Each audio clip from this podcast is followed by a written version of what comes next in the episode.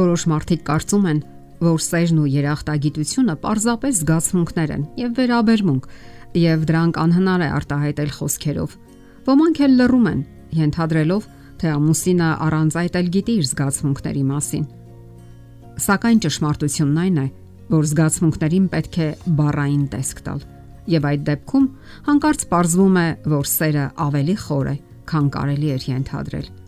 Եվ սա կարևոր է հատկապես կանանց համար, ովքեր սիրում են լսել սիրո խոստովանություններ եւ պատմել իրենց հույզերի մասին։ Ձեր ամուսինը կարիք ունի լսելու, թե ինչ եք զգում իր հանդեպ ձեր հոգու խորքում։ Գուցե դուք կարծում եք, թե բավական է գործով ցույց տալ սերն ու երախտագիտությունը։ Տնային տնտեսության կառավարում, նյութական սատարում, սիրած ճաշատեսակների պատրաստում եւ այլն սակայն այդ բոլորը չեն կարող փոխարինել մեզ բոլորիս այնքան անհրաժեշտ խոսքերին։ Ուրեմն այսպես, հարկավոր է առանձնացնել կոնկրետ հատկանիշները։ Գովաբանելիս խուսափեք ընդհանրացումներից։ Դրանք հետաքրքրություն են առաջացնում կամ էլ թյուրիմացությունների հանգեցնում, այդպես էլ չպարզելով, թե ինչ եք ցանկանում ասել։ Հարկավոր է գովաբանել կոնկրետ արարքը կամ հատկանիշը։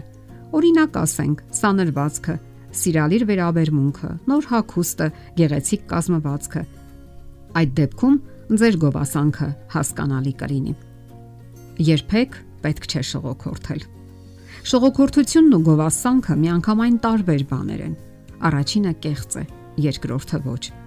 Առաջինը եսասիրական նպատակները հետ ապնդում եւ ամենուր հանդիմանության արժանանում։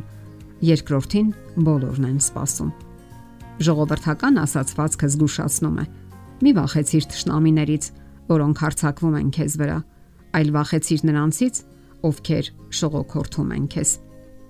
Ըստ արժանվույն տրված գնահատականն ու գովասանքը հիմնվում են բնավորության իրական գծերի կամ արարքների վրա։ Գովասանքն ու երախտագիտությունը միանգամյա անհրաժեշտության երևույթներ չեն Ձեզ համար կանոն դարձրեք ամեն օր նշել ձեր ընտանիքի յուրաքանչյուր անդամի գովասանքի արժանի որակները։ Դա առավել արդյունավետ եղանակ է ընտանեկան կյանքի սուր անկյունները հարթելու համար։ Գովասանքը նաև հզոր խթան է վարքագիծը փոխելու։ Ինչպես է այն գործում։ Հիշենք Քամու եւ Արևի մասին հին առակը։ Այս երկուսը վիճում են, թե իրենցից ով է ավելի ուժեղ Ես կապացուցեմ, որ ես ավելի ուժեղ եմ, ասում է Քամին։ Տեսնում ես այն ծերուկին, վերաշկուն հակին։ Գրազ եմ գալիս, որ քեզանից ավելի արագ կհանեմ նրա վերաշկուն։ Եվ ահա արևը թաքնվում է ամպերի հետևում, իսկ Քամին սկսում է փչել։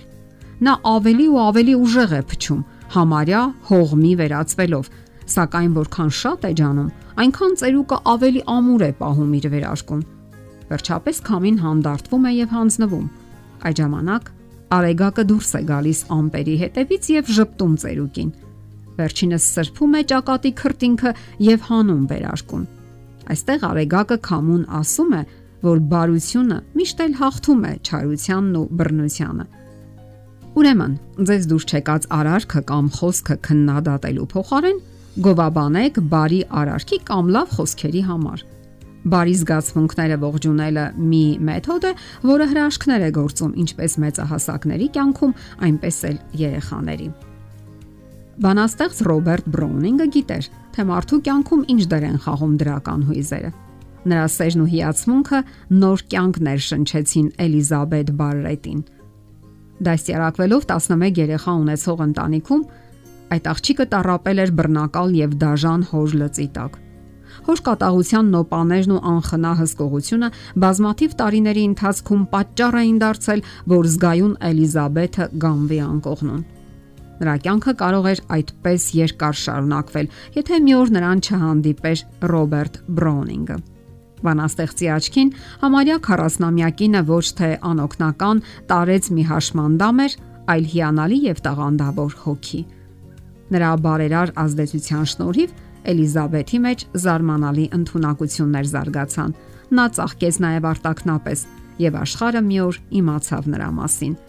Բրոունինգը վերափոխեց նրա խղճուկ գոյությունը ըստ արժանվույն գնահատելով այդ կնոջի անալի որակները եւ ի հայտ բերելով նրա մեջ չբացահայտված հնարավորությունները։ Էլիզաբեթի խոսքի հազվադեպ հանդիպող պարգևը կյանքի կոչեց Սոնետներ Պորտուգալիայից գիրքը։ Իր ստեղծագործություններից մեկում Ինչպես եմ ես սիրում քեզ, երևում է այն վերափոխությունը, որ տեղի է ունեցել նրա կյանքում Ռոբերտ Բրոունինգի շնորհիվ։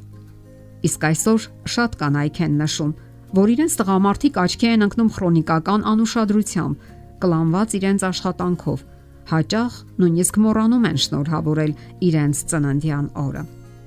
Ճիշտ մարտավարությունը միշտ էլ դրական դեր է ունեցել ամուսնական փոխհարաբերություններում։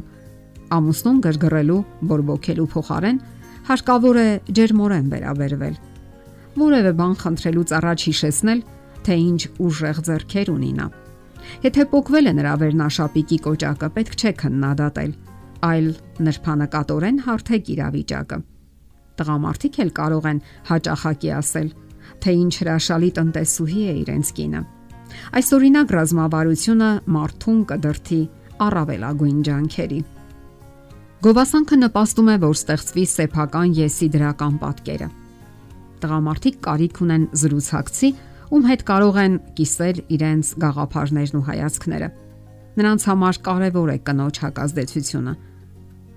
Տղամարդուն պետք է ինչ-որ մեկը, ով կսատարի իր եզրահանգումներն ու հետևությունները։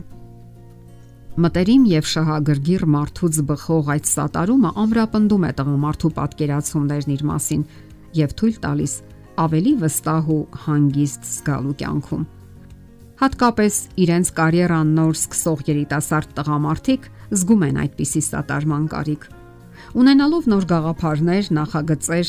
ինքնավստահություն եւ էներգիա, Նրանք արագ գտնում են հիմնախնդիրների ոչ ավանդական լուծումները։ Նրանք չեն համբերում ապացուցել, որ իրենց առաջարկած լուծումը, առաջարկությունը իսկապես լավագույնն է։ Սակայն իրենց գործընկերները կլանված են սեփական ծրագրերով կամ էլ թերահավատ են իր նոր գաղափարների հանդեպ։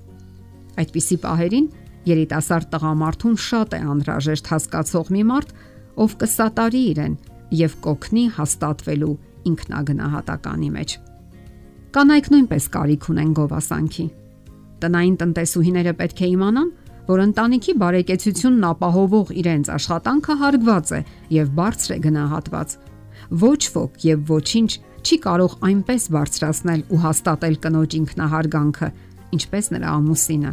ընդունելով նրա մեջ անznավորության, կնոջ, մոր եւ տնտեսուհու բարձր որակները։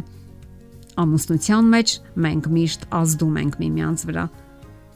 Մենք ընդունակ ենք ապակինել կամ վիրավորել միմյանց։ Նոր կյանք ներշնչել կամ հուսահատեցնել, օգնել կամ արգելք լինել։